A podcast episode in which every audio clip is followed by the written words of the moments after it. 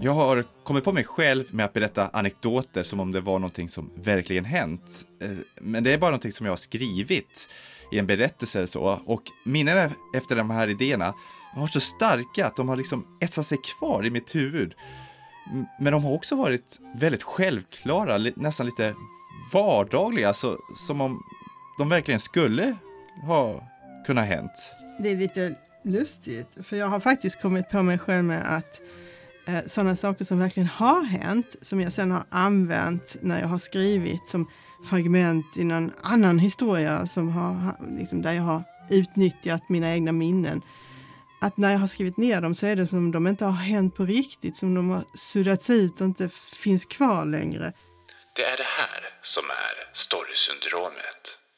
Men, men, men någonting som jag vet har hänt, det var att jag fyllde år och min fru överraskade mig med att ta mig till Köpenhamn. Och det visade sig nämligen att David Lynch var där och pratade om idéer och, och, och han sa att varje idé, det är som ett bete som lockar till sig en liten fisk som eh, i sin tur då blir ett bete till en ännu större fisk.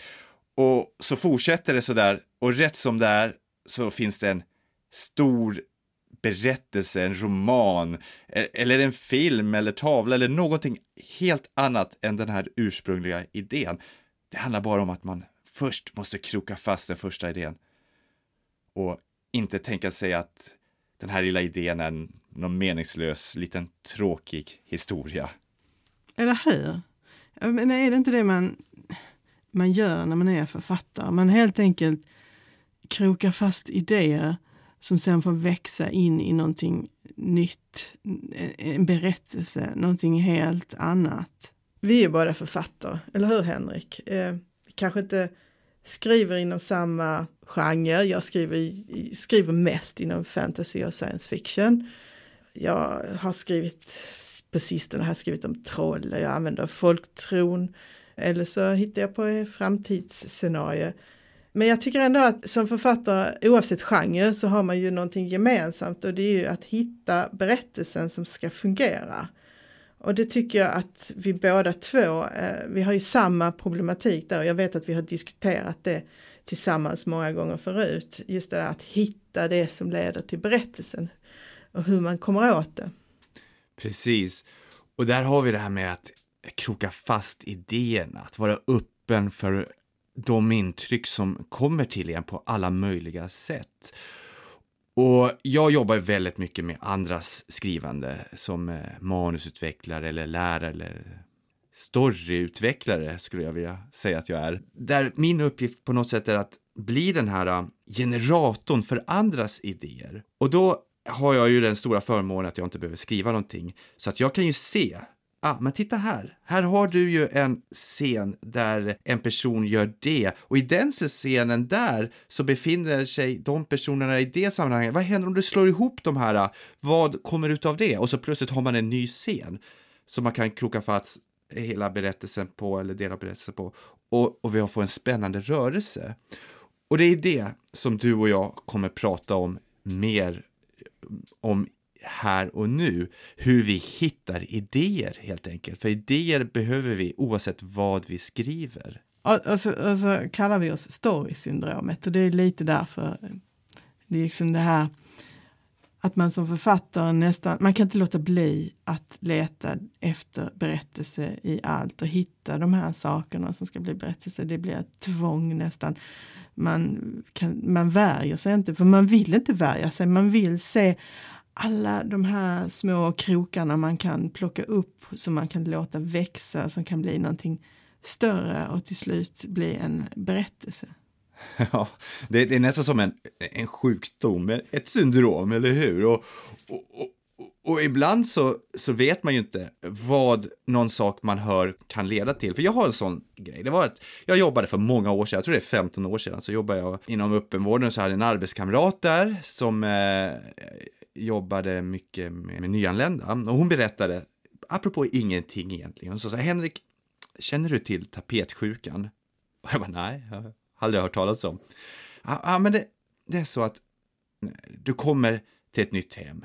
Du har lämnat kriget bakom dig, du har lämnat lidande, hunger, problem bakom dig. Allt är bra. Du har fått en lägenhet, du får mat på bordet, du får trygghet, du får omsorg. Allt är bra, men ändå. De där tapeterna, de, de gör att det skaver i dig. De, de, de gör att du blir, du mår dåligt av dem. Färgen liksom skriker in i dig och du, du måste ha nya tapeter. Och, och det är det som kallas för tapetsjukan. Att ett, kanske ett trauma, någonting som behöver bearbetas, eh, någonting man har varit med om, det plockas fram med hjälp av tapeterna.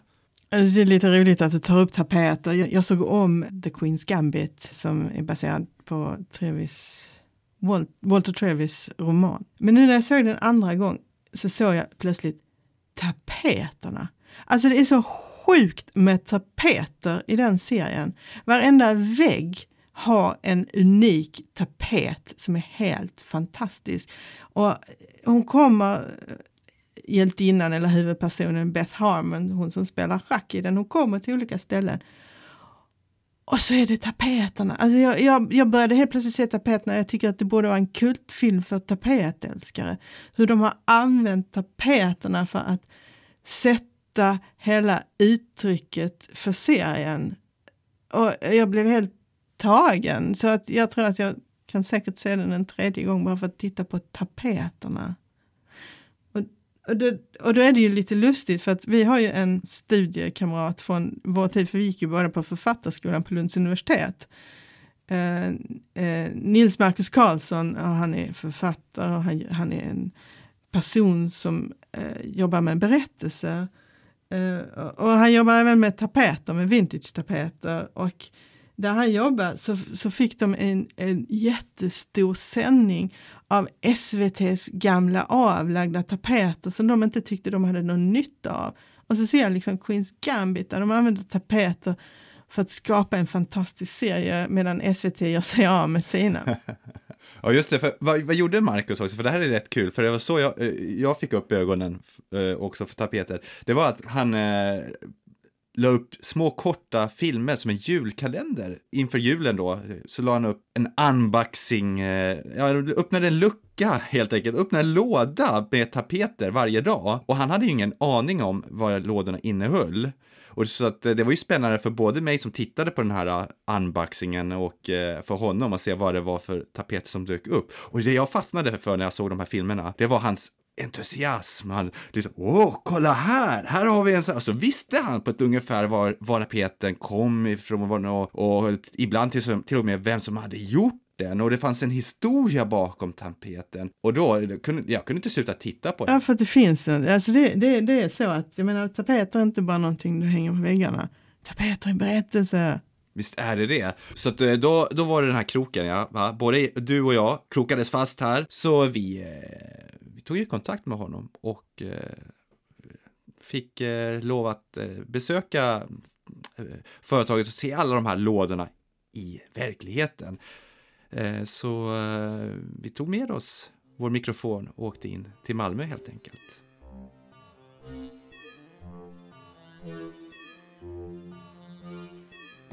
Jag, jag, jag hämtar en låda här, så ska vi öppna den. En låda som jag aldrig har öppnat heller.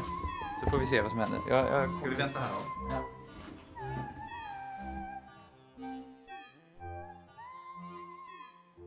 Ja, men om, bara kort så, jag hade inget intresse för tapeten när jag började här för typ tio år sedan.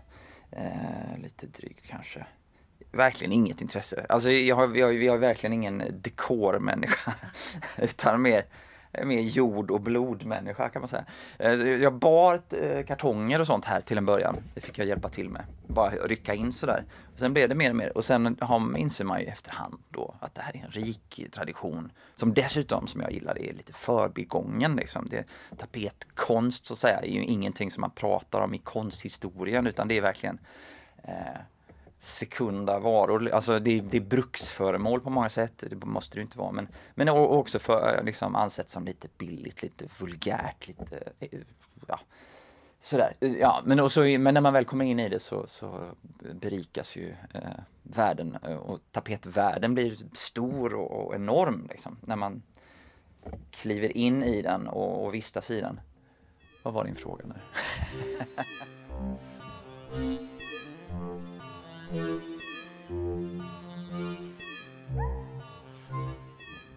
SVT skulle, skulle flytta lager och det gjorde att de ville bli av med 9000 rullar tapeter.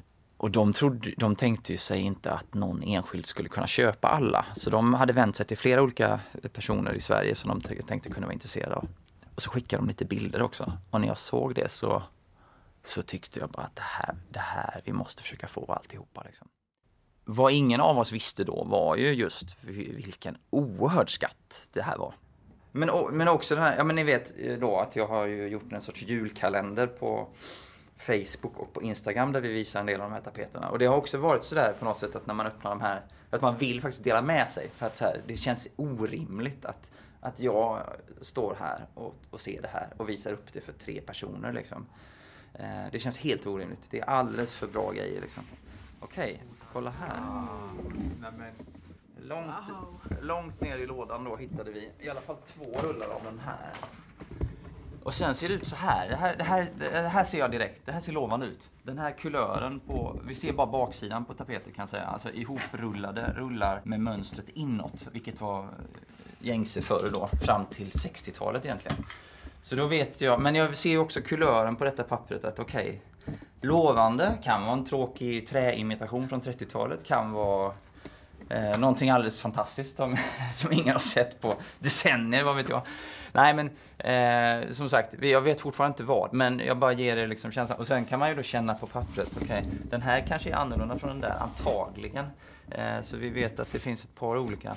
Men så är det då papperskvaliteten som ge- ger en viss, eh, okej, ja. Nu har inte ju de här som är inte aldrig uppsatta har aldrig suttit på en vägg, men eh, dess syskon har suttit på väggar och att folk har levt i dem. Och då kan det ju också vara precis det där att ibland är de så räliga, liksom, så fula så att man blir helt paff av det. Men man vet ändå att folk har levt med dem, vilket i sig ställer frågor. Liksom så här, va, vilka, vilka sorts människor var det som hade de här på väggen? För ingen jävel idag skulle ha det. det, så kan man också se det som en sån här tapet där man liksom nästan kan känna hur långsamt tiden går när den sitter på väggen. Men, men exakt det är ju också så speciellt med eh, tapeter. Alltså att, att de nästan, nästan alltid tycks spela eh, rollen av eh, statist, så att säga. Bakgrund. Eh, och så försiggår livet vid sidan om. Liksom. Och tapeter behöver inte, behöver inte vara med i historien, men den ger en ton.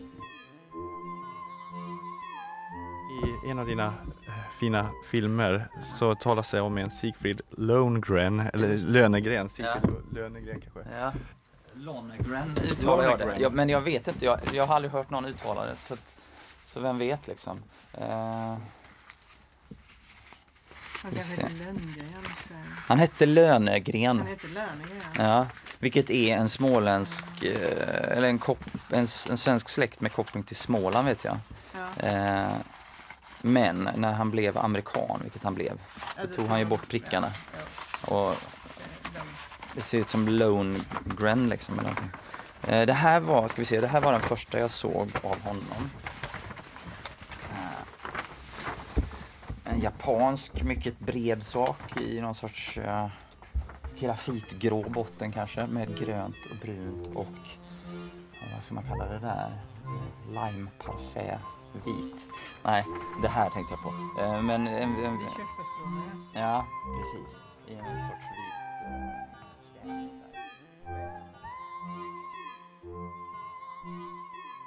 så, vem var Lonnegren då? Ja, men så började jag ju googla på det och hittade inte... Där, där kom det här problemet tror jag med wallpaper in igen. Liksom, att man, man hittar inte en tapettillverkare utan en massa dataskärmsprydnader. men, eh, eh, den enda jag hittade eh, först var en Greta Lönegren som var eh, typ keramiker, eh, skulptör eh, i, den, i det häradet från tidigt 1900-tal som kunde stämma. Så jag tänkte bara, jäklar kan det vara Greta Lönegren som har designat tapeter fast som, det hade ju varit en eh, remarkabelt om man hade hittat liksom en svensk tapetdesigner som var nästan okänd och som hade fått göra mönster i USA. Så var det inte utan eh, eh, efter ytterligare och mer precisa sökningar på nätet i olika riktningar så hittade vi faktiskt att Nordiska museet hade en Lonergan-tapet. Och där hade en kvinna gjort ett eh, litet eh, jobb tydligen. I, från källor som jag inte hade kanske aldrig hade hittat på nätet om inte hon hade gjort det. Så det fanns liksom, i deras digitala arkiv fanns det en, ett sökord där man kunde hitta en tapet av Lonergan. Och där fanns en historia som gjorde att eh, jag förstod att det var, rörde sig om Sigfrid Lönegren, född 1905, som kom till USA på 20-talet. Eh, sen då visade det sig då, och här hittar jag ju information från andra håll, men det var ju tack vare det här Nordiska eh, museet som jag kunde eh, Eh, vad heter det, precisera och ja, fatta vem det var helt enkelt. När jag väl hade namnet så gick det att hitta andra saker om honom. Och då hittade vi ju bland annat att han under andra världskriget så, så kallades han till London som någon sorts Norge-expert för amerikanska eh, militären. Så han blev någon sorts militärattaché i London under kriget. Och inte nog med det, i krigets slutfas, när man planerade invasionen i Normandie, så ville man ju lura tyskarna. De fick ju inte veta vad som skulle hända såklart. Och i, eh, för ett sätt att få tyskarna att eh, tappa fokus var att skicka denna Lönegren eh, som militärattaché till Stockholm. För att detta skulle få dem att misstänka att invasionen skulle ske i Skandinavien. Vilket gjorde att normen, eller att tyskarna band eh, 100 000 tror jag, man till Skandinavien. Alltså inte bara Lönegren, men det var en del av det. Vilket gjorde att Normandie-invasionen eh, lyckades så pass bra som, som den gjorde. Såklart. Och sen när Lönegren kommer tillbaka till USA så börjar han trycka tapeter i New Jersey. Eh, och det är Amerikas första avtorkningsbara tapeter, sägs det. Eh, och han verkar ha utvecklat då en ny teknik som det står, som jag inte har lyckats eh, liksom, få, få, några detaljer om, som, som står i, i marginalen på tapeterna. Denna Sigfrid Lönegren flyttade sen till Vermont i nordöstra eh, USA. Och så hittade jag dödsrunan över honom, liksom, där det stod så här, vare sig liksom att, om, i, i, det privata eller, eller i, eh, i, i, statlig tjänst så var han en riktig amerikan. Eh, true Vermonter beskrevs han som också till sist. Och han har också ättlingar hittade jag såklart, som heter Lonergan, som bor i Vermont idag. Men jag har inte tagit kontakt med dem. Men,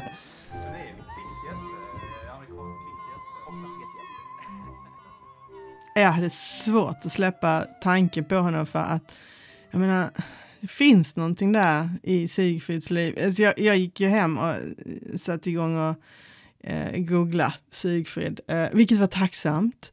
Han har ett tacksamt namn. Hade han hetat Anders Svensson så hade man nog inte, hade inte alls varit lika enkelt. Men eh, jag tänkte svensk emigrerar till USA i början av 1900-talet, så jag letade i skeppsmanifesten eh, alltså passagerarlistorna för Amerikabåtarna som for fram och tillbaka över Atlanten. Eh, och eh, jag hittar honom, mycket riktigt.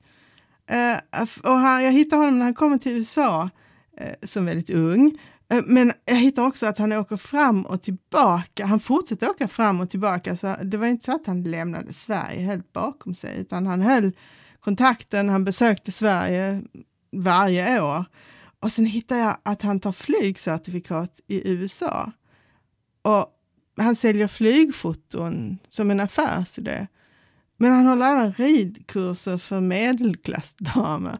Så, så jag vet inte, man kan väl säga att Sigfrid var en, han var en man som antagligen, när, när, när det kom möjligheter mot honom så verkar han ha bara tagit dem och gjort någonting av dem. Han höll ridkurser. För medelklassdamer. För medelklassdamer till och med. Alltså det var, det var liksom, han sök, hittade en speciell genre. Ja, en nisch liksom. Kanske av ekonomiska skäl tänker jag mig då. Det kanske var bättre det än... Ja men antagligen också flygfotona. Det, det, det var säkert, jag menar, hur många kunde flyga? Han, han såg en möjlighet. Han tog flyglektion, lärde sig flyga och sen så såg han möjligheten att sälja flygfotografering. Det måste varit något stort då. Inte nog med det.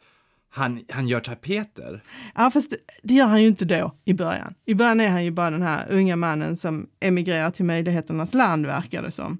Och sen så Sen hittar jag inte honom, för han försvinner ju när det blir krig och det är väl kanske förklara skäl att det är mycket som inte dokumenterades och så mycket som inte finns tillgängligt under krigsåren. Jag vet inte.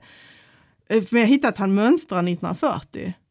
Um, uh, och där står det i papperna att han är 1,80, han är blond och blåögd och väger 80 kilo, så han var verkligen så här medelsnittet av en svensk man. Uh, men ehm, um, 1944 så dyker han igen upp uh, om man hittar honom och då hittar man honom i Stockholm. Uh, han kommer med hemligt militärflyg direkt från England.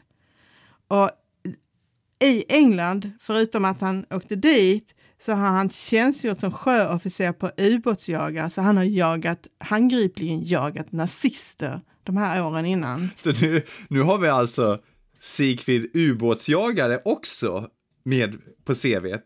Mm -hmm. Och i Stockholm så um, får han ju diplomatstatus. Um, han, är ju, han är ju amerikansk medborgare, han får bil, och det är en stor grej att ha bil under den tiden, då är man lite extra. Han får även en etagelägenhet i Stockholm där han kan hålla hov, för det gör han. Han verkar vara en riktig jävel på att fixa fester. Och han har ett brett kontaktnät, så han var väl den perfekta personen att placera där. Uh, inofficiellt så ehm, um, förberedde han den här amerikanska skeninvasionen av Norge för att lura tyskarna. Men så jobbar han även operativt på nätterna och har träff med norska kurirer i en hemlig lägenhet i Stockholm som kommer från motståndsrörelsen i Norge. Och tapetfabriken, den kommer ju efter kriget. Och det är det jag tycker, det blir, så, det blir sån motsägelsefullt där liksom. Kriget tar slut och han startar tapetfabrik. Här har han liksom träffat motståndsmän på nätterna. Han har liksom han har varit diplomat, han har, han har liksom umgåtts med eh, massor med olika människor i sin diplomatroll. Han har hållit på med underrättelsetjänst och så startade han tapetfabrik. Så då kollade jag mer av de här eh, chefsmanifesten, för de finns ju kvar, hur folk åkte fram och tillbaka även efter kriget. Och jag hittar honom igen. Och han åker fram och tillbaka mellan USA och Europa Äh, alltså hela tiden, ibland upp till tre gånger per år. Hur hann han med en tapetfabrik? Jag, liksom, han dyker upp i Sverige, men han, naturligtvis. Han, men han dyker upp i Hamburg, i Bremen, i Paris, i Lissabon. Han är i Skottland. Så ja, han kanske var en sju jäkla affärsman som verkligen kunde utnyttja efterkrigs-Europas möjligheter. Ja, han krokade fast varje fisk som kom förbi hans väg och sedan blev det till sist något större. kan ju varit det. Och så tänker jag, jag menar, han, han hade ju han, han först hade ändå varit ubåtsjagare och jagat nazister och sen så var han i Stockholm där han uppenbarligen hade eh, dubbla uppdrag, både som handelsattaché eller vad, vad han nu var och sen även då som motståndsrörelsens kontaktman och även eh, för att iscensätta invasionen skeninvasionen eh, för att lura ryss, eh, tyskarna. Jag tänkte, men tänk om han fortsatte efteråt? Tänk om alla de här resorna fram och tillbaka. Jag menar, han skulle ju kunna ha varit spion i, i, i, under kalla kriget. Och naturligtvis, det är inget som jag vet. Det, det, går, det, går, det, det, det går inte att hitta.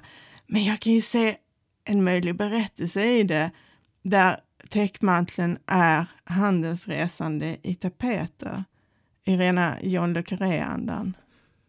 Ja, jag kan, jag kan till och med se framför mig eh, berättelsen med Marcus i huvudrollen, hur, hur han liksom reser runt efter glömda tapeter och, och vissa tapeter eh, mer åtråvärda än andra. Och, eh, man skulle kunna göra en socialrealistisk historia till någonting som bara är Indiana Jones, liksom någonting helt otroligt. Det här är Fast tapeter. Ja. ja, man kan också göra liksom hemliga budskap i tapeterna.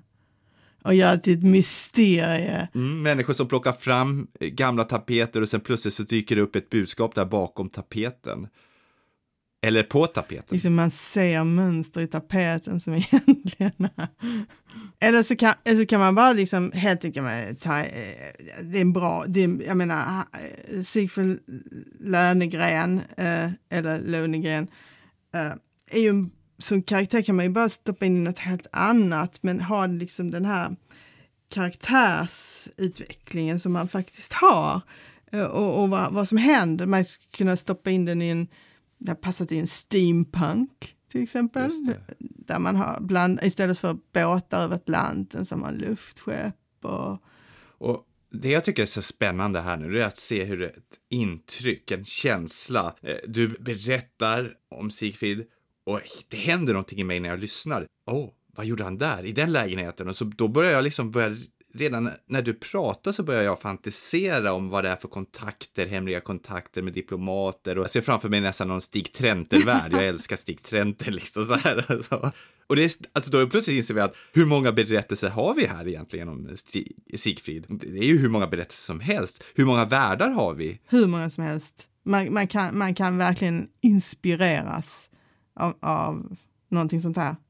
Men det viktigaste det är att du hörde någonting, du fastnade för det och sen grävde du ner dig lite. Det gjorde jag. Men just det här att man man, man ger sig hän åt någonting, man bara följer med någonting och sen så ur det drar man någonting och låter det liksom kanske växa till något helt annat som ens eget. Ja.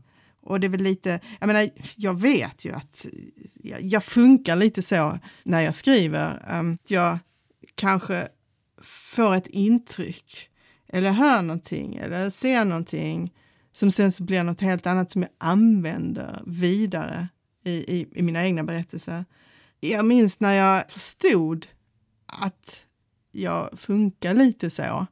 Det var nog faktiskt när vi, eh, när vi gick på eh, författarskolan när, som studenter, så skulle vi skriva vidare på en redan befintlig historia och det handlade om en man som på något sätt, jag vet inte riktigt, men det var, det var någon, om han, han hade, det var hans förhållande till hans fru det handlade om. Och att det på något sätt, eh, det stod vägde. Jag tror det var något, alltså det var förutsättningarna. Och sen så var det, eh, texten kom från eh, början av 1900-talet, jag för mig, någonstans. Så det var en sån äldre text som vi sen skulle skriva någon sorts fortsättning på. Uh, och då tänkte man, hur ska jag, hur ska jag lösa liksom, det här? Och det är inte särskilt långa saker vi skulle skriva. Den här första uppgiften var rätt kort. Och jag, jag kommer ihåg att jag körde bil och kom utanför Lund och då såg jag en av de här gödseltraktorerna som körde på åkrarna. Och de har ju det är såna metallställningar som, som blir som vingar bakom eh, traktorn.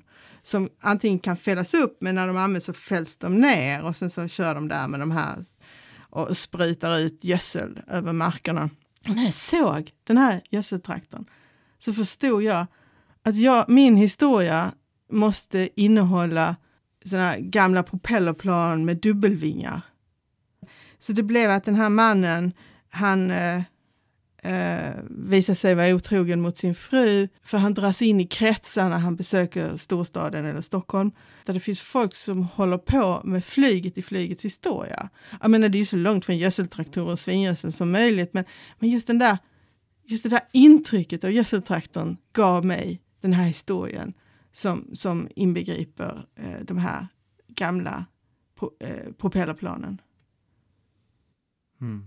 Så du plockar någonting helt vardagligt som du bara råkar se och låter det växa och bli eh, någonting helt annat. Ja, ah, ah, ah, det, det, är spännande, det är spännande. Och jag växte upp med gamla tapeter.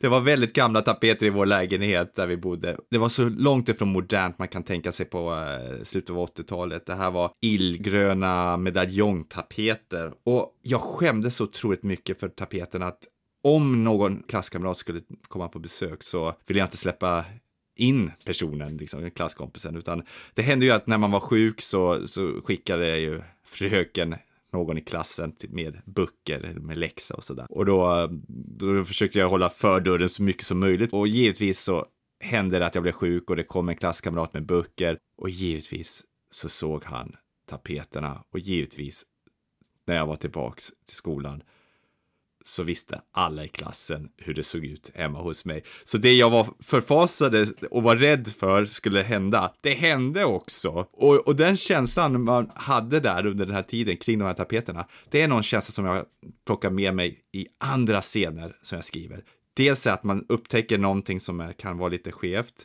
och rädslan för att bli upptäckt och vad händer när det värsta man fasar över händer.